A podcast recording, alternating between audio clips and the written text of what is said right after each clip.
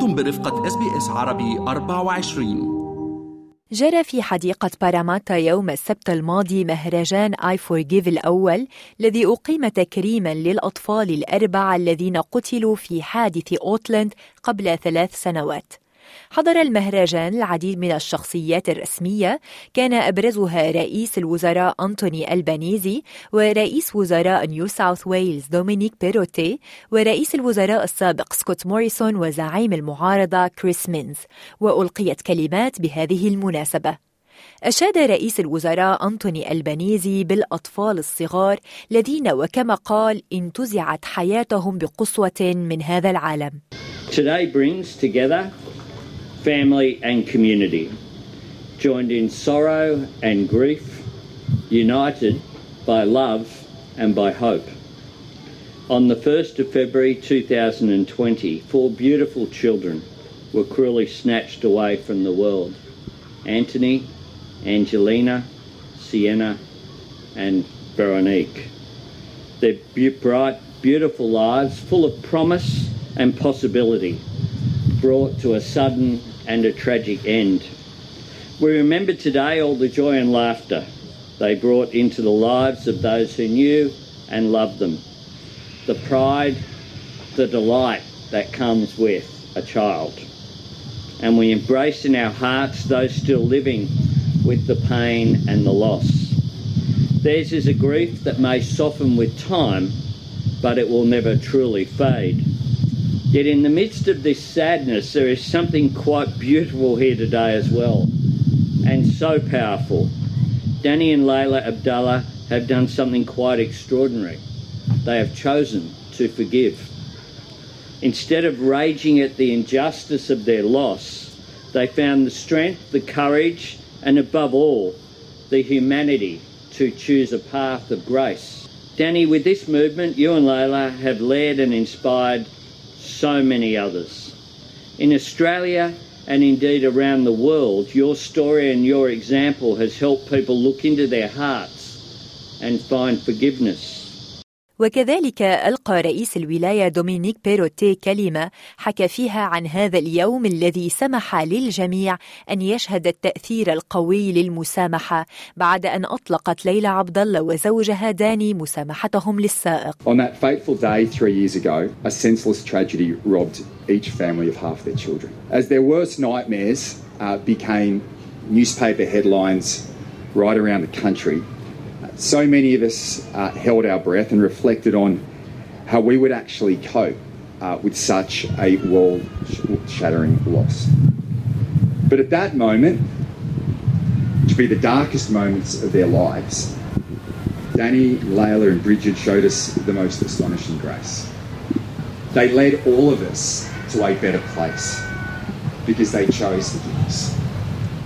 Drenched in grief, they chose mercy over revenge.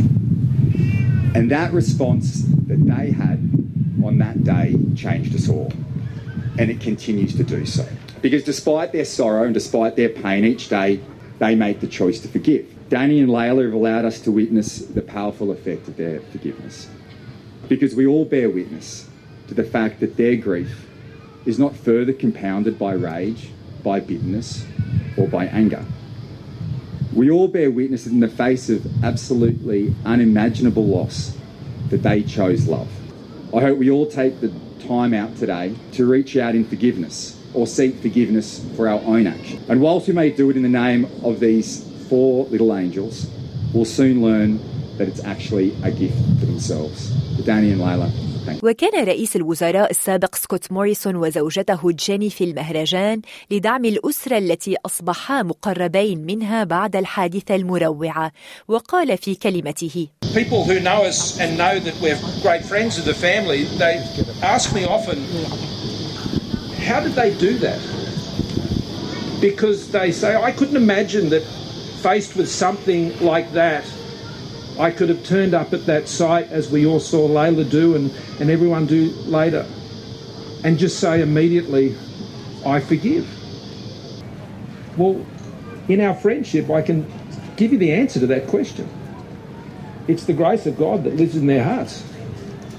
And that grace overflowed at that moment Paul says to the Corinthians that God's grace is sufficient for you and that his power is made perfect in weakness. And I could not think of a more weak time that they would have been in. And they found that grace. We need grace in our society, a grace that doesn't seek to judge, as we heard the kids reading. We need that grace that enables us to forgive. Even if those who may have offended us for whatever reason don't even acknowledge those offences, it doesn't matter because the gift of forgiveness is one that comes out of a heart of grace.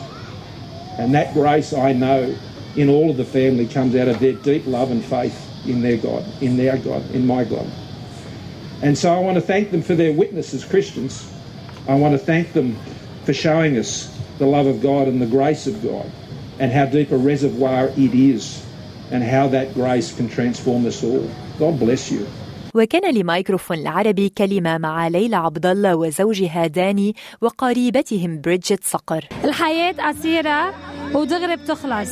تعالوا نعيش أيام حياتنا بالحب والمسامحة بس يصير شيء ما نعيش بالندم وأنا كتير مبسوطة أنه قدرت من الوجع يلي قطعنا فيه نعمل i4Give Day ونشجع العالم تتسامح لأنه هاي رسالة من الله وهاي رسالة أقدر أكرم الله واولادي thank you so much نحن نحن بالفرح كثير أنا وليلى.